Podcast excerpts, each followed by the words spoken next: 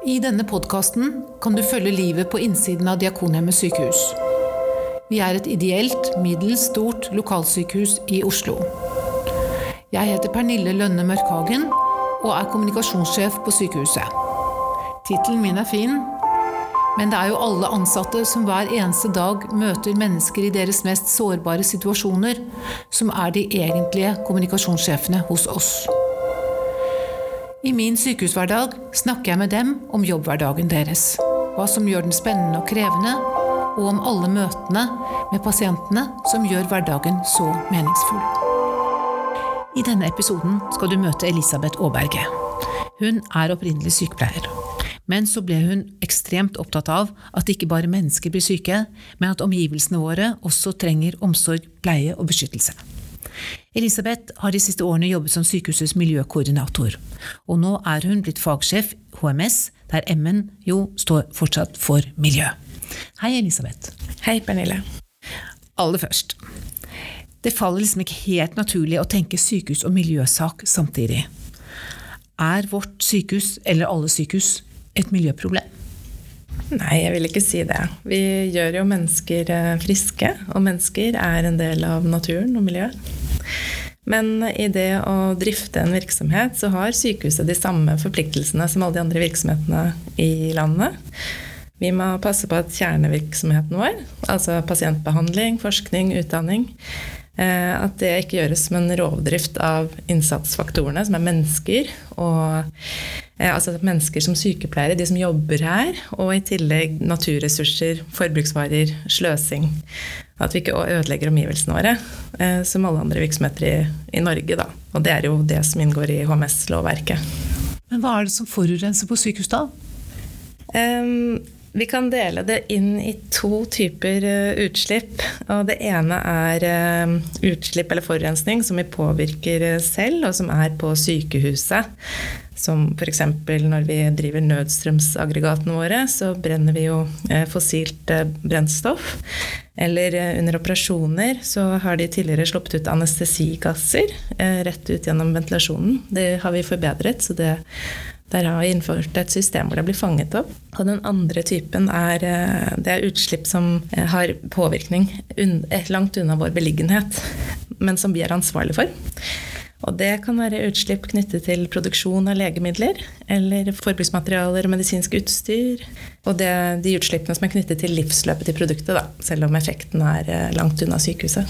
Hva sa du? Livsløpet til produktet? Til produktene, da. Eh, som hansker, f.eks. Ja. Det er jo et produkt vi eh, forbruker. Eh, det produseres gjerne i Malaysia eller Indonesia. Eh, på fabrikker som vi må Vi har jo et ansvar for å sørge for at eh, vi ikke kjøper fra eh, steder som ikke ivaretar eh, tilstrekkelig arbeidsforhold, f.eks. For, for de som lager produktene våre. Ja. Og ikke slipper ut forurenser i stor grad og påvirker omgivelsene der, da. Og når jeg nå hører deg, så tenker jeg at vi kanskje produserer ganske mye søppel. Det gjør vi. Har du noen oversikt over det? Ja, det er jeg mener det er 50 tonn i året. 50 tonn søppel? Ja, søppel ja. i året. Ja. Det, det, er jo noe koll i det. Mm. Hva er det vi kan gjøre noe med eh, sånn miljømessig på et sykehus? Det er jo ikke primærfokuset vårt, for å si det sånn. Nei, og det skal det jo ikke være for de som står tett på pasienten. Men um, det er mange som jobber på et sykehus, og noen styrer f.eks. energiforbruket vårt og hvem vi kjøper det av. Og der har jo alle sykehusene fått krav fra myndighetene, og vi har fått nasjonale mål da, for spesialisthelsetjenesten om å ha energiforbruk fra fornybare kilder. Så det er noe man kan uh, jobbe med. Vi bruker veldig mye energi på sykehuset også, fordi vi er jo en uh, heldøgnsdrift og bruker mange maskiner og utstyr som krever strøm. Vi kan også ha et bevisst forbruk for å ikke sløse med materialer eller utstyr. Så f.eks.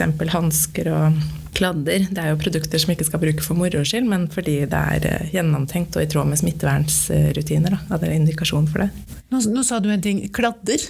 Ja. Hva er det for noe? Um, kladder er, um, det er et bleieprodukt. Det er et bleieprodukt? Det er, uh, mange småbarnsforeldre kjenner jo til disse tisselakenene som man får kjøpt i butikken. Og det er et uh, veldig mye brukt produkt på sykehus. Hvor man legger det fram overalt hvor det kan komme noe søl. Men det har også blitt en sånn vane å legge det fram et sted hvor man vil ha et rent område. Eh, men så er det ikke det det er ment for, da. Og det blir jo ikke så veldig rent, egentlig, for det er ikke et sterilt produkt. Så det er et eh, område man kan jobbe med. Men det forhindrer mer søl? Eller flere ja, det, steder? Det fanger jo opp, mm. ikke sant. Det sier seg selv som et bleieprodukt. Mm. Elisabeth, hvordan er miljøengasjementet egentlig blant sykehusets ansatte? Det er veldig mange som er utrolig engasjert, og som miljøarbeidet på sykehuset er helt avhengig av for at vi skal få til eh, noe. Som f.eks. Eh, legen på anestesi som eh, gjennomførte at man sluttet å bruke desfluran, som er en anestesigass med stor klimapåvirkning. Og F.eks. Um, på kjøkkenet hvor de har innført matsvinntiltak og Grønn kongresskomiteen hos Revma, hvor de driver med forskningsformidling som de velger å gjøre med en uh, miljøvennlig ramme, og setter av en hel time til å snakke om miljø og klima. Og så har vi også um, noen som ikke er så engasjerte. Uh, og det er jo ikke så veldig heldig når vi innfører nye systemer, som f.eks. Uh, da vi uh, satte inn en ny seksjon for å kildesortere plast i personalkantinen, så ser vi at det, det blir ikke fulgt opp av alle, da. Så vi har noen brennende sjeler som finner på masse spennende og viktige ting. Og så har vi røkla som ikke ser forskjellen på de ulike konteinerne, på en måte. Ja. ja. Ja, ja. Det er vel nokså likt som i samfunnet for øvrig. Mm. Om et øyeblikk skal du høre hva Elisabeth har med seg i studio i dag. Men først podkastens faste innslag, et tall fra sykehusets analysesjef Trond Munkejord. Hvilke tall har du i ermet i dag, Trond? I dag har vi 67. Ok, er det et um, grønt tall i anledning episoden? Ja, det er ikke så særlig grønt. Det er antall kilo matavfall på én sengepost på én uke. Og Sykehuset jobber med å redusere matavfallet, samtidig som vi selvfølgelig skal sørge for at pasientene får mat når de er sultne og kan spise. Det får vi håpe de klar vi klarer fortsatt. Takk, Trond. Bare hyggelig. Tilbake til deg, Elisabeth, men til samme tema, dette med matsvinn. Det går tydeligvis ganske mye mat uh, i søpla her hos oss. Ja, vi kaster en del mat som uh, kunne vært uh, spist. Og det er, ikke, det er ikke, så veldig heldig, fordi mm, altså matavfallet eh, står jo for ca. 10 av det, de globale klimagassutslippene. Og um, det er veldig ressurskrevende, fordi man må jo bruke vann, areal og energi og transport. Eh, og til å produsere én kilo oksekjøtt så går det 15 000 liter vann. Og til en kopp kaffe så går det 175 liter vann. Så å kaste det er jo ikke bra. Man kan jo f.eks. Eh, sortere matavfall da, og, og, lage biogass eh, av det. Men det er eh, ti ganger mer klimaeffektivt å hindre at det blir matavfall, enn det er å lage biogass av det. Så dette er viktig arbeid som vi har engasjerte ansatte på kjøkkenet og på sengepostene som tar tak i dette. Og da er det ikke et spørsmål at uh, pasientene ikke skal få nok mat, men, men, for det skal de, og det er viktig for pasientene, men at ikke vi skal lage mat som vi ikke bruker. Nettopp. Det viktigste er jo at pasienten får den ernæringen som de trenger, og tilbys det. Eh, og at det tilrettelegges for det. Men så er det å ha et system som gjør at man ikke får for store bestillinger. Som, hvor det ikke Altså det blir ikke tatt inn til pasienten engang. Elisabeth, du har med deg en frøpose og en liten krukke honning i studio. Hvorfor det? Jo, det er eh, denne honningen. Den er eh, produsert her på Diakonhjemmet. Eh, vi har bikuber som står på områdene til sykehuset, hvor man har produsert egen honning. Og um, frøposen den er til å plante noen bie- og insektvennlige blomster i de plantekassene som vi har eh, på sykehuset. Det er Diakonhjemmet Eiendom som har satt ut en del plantekasser som ansatte og beboere kan eh, få låne. Og det, det, skal vi gjøre på Grønn kongress, den konferansen jeg nevnte.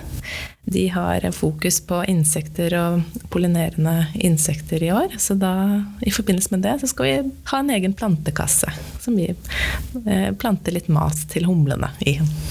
Så hyggelig. Og så viktig. Under disse eh, plantekassene og rundt på området eh, her rundt sykehuset, så er det en masse hull. Kan du forklare hvorfor vi har det? Ja, jeg tror jeg vet hva du mener. Det er jo ikke hull som man ser eller som man kan snuble i. Men det er noen hull som har blitt eh, boret eh, i forbindelse med Diakoniet med energisentral.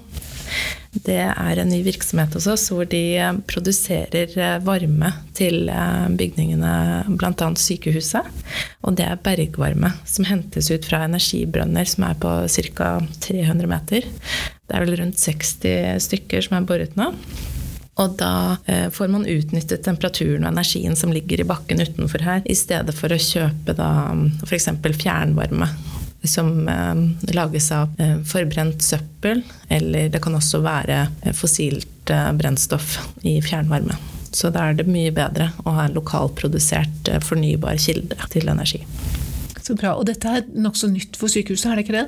Det er helt nytt. Så den energisentralen er, den begynte vel å levere til sykehuset i fjor eller forfjor. Og jeg har en innkjøringsperiode nå hvor de hele tiden optimaliserer driften av det. Da. Ja, Og sikkert ganske smart i forhold til høye strømpriser. Det tror jeg nok. Ja. Når jeg tar ditt perspektiv, så, og du tenker miljø alle, på alle uh, nivåer og organisasjoner og sånne ting, så, så, har du vel Og du er jo brennende engasjert i feltet. Um, hva er din våte drøm for et miljøvennlig sykehus? Jo, det Da kan jeg ta den helt ut, ikke sant? Ja, du får lov til å gjøre det.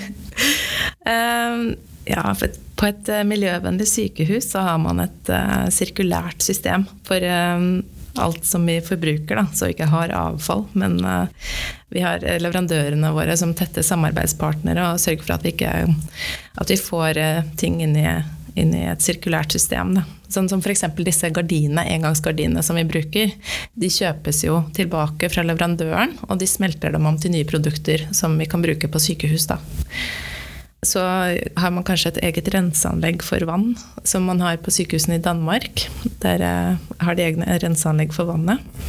Og at man er selvforsynt med energi, og kanskje tilbyr nabolaget lokalprodusert energi.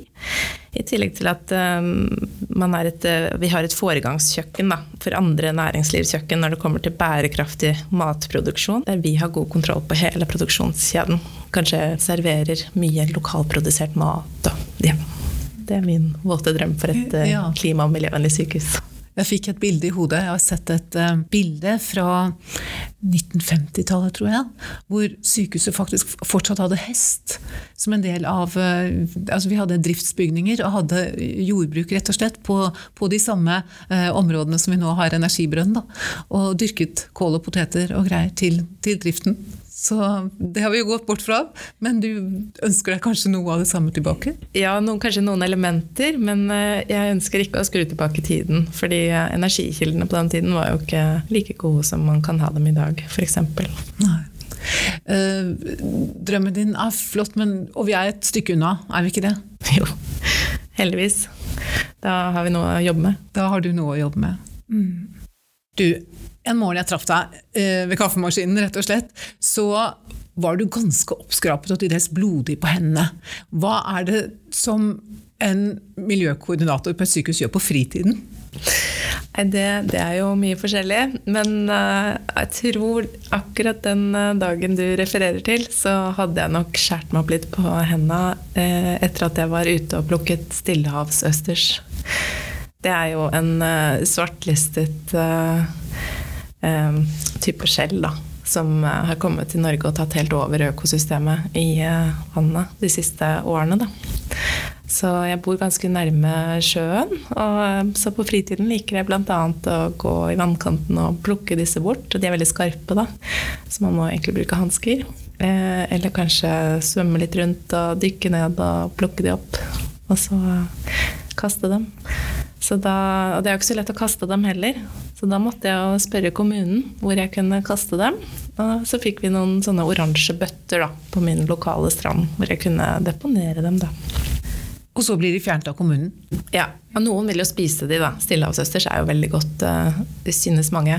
Uh, om de er uh, stekt eller fritert eller rå eller Men det er jo, jeg er litt skeptisk til hvor sunt det er å, å, å spise de da. Det er jo Blåskjellvarselet gjelder jo ikke for østers. Så man kan egentlig spise dem hele tiden? Eller Jeg tror det er, det er mange som gjør det. Ja. ja. Men jeg gjør ikke det, da. Mm -hmm. Men iallfall, eh, du var, kom blodig på jobben, og det var miljøengasjementet ute i, i fjæra, rett og slett. Det var det. Jeg, eh, jeg, hadde, og har igjen i år, som nyttårsforsett å plukke 1000 stillehavsøsters. Ja, da jeg satte det som mål i fjor, så da tenkte jeg at det, det var kanskje litt ambisiøst. Men eh, det viser seg at det, det, går veldig fort, faktisk. Man tar jo liksom 100 stykker på en halvtime. Og, eh, så da tenkte jeg at jeg kunne ha det igjen. Lykke til med det. Tusen takk. Ja. Du, Vi nærmer oss avslutningen.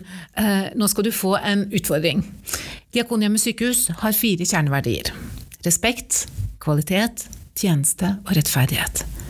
Dette er verdier vi har valgt oss for at vi skal ha mer enn konkrete kvalitetstall å strekke oss etter. Kjerneverdiene brukes aktivt i mange diskusjoner når vi står i etiske utfordringer. Hvilken verdi trigger deg mest? Det er eh, rettferdighet. Der var det ingen tvil. Hva skyldes det? Nei, det er um, Altså, rettferdighet, eh, det betyr for meg at alle er like mye verdt. Og du skal ikke gjøre mot andre det du ikke vil at andre skal gjøre mot deg, eller mot barna dine, f.eks. Så er det jo det med begrepet 'andre', da. Det, det, inkluderer jo mennesker som også bor langt unna, og barna våre. Så i, i, dette arbeidet med klima og miljø, så er det noe av det som motiverer meg mest. Fordi eh, våre helsetjenester skal ikke leveres på bekostning av fremtidige generasjoner, eller på bekostning av folk som lever langt unna. Så du ser det i et generasjonsperspektiv og et globalt perspektiv, rett og slett? Ja, kan vel si det. Det var en interessant refleksjon. Takk for den. Takk for historiene om blomster og bier og brønner og restemat. Takk for at du brenner for det fysiske miljøet på og rundt sykehuset. Takk for at du hjelper oss alle til å sette litt færre negative miljøspor når vi jobber for å hjelpe mennesker som trenger vår hjelp. Så heldige vi er som har deg som kan hjelpe fram kreative og kloke miljøvalg på sykehuset. Og så får jeg ønske deg lykke til med årets østersfangst. Da. Det er også viktig. Tusen takk, Pernille. Og tusen takk for at jeg fikk eh, komme her i dag.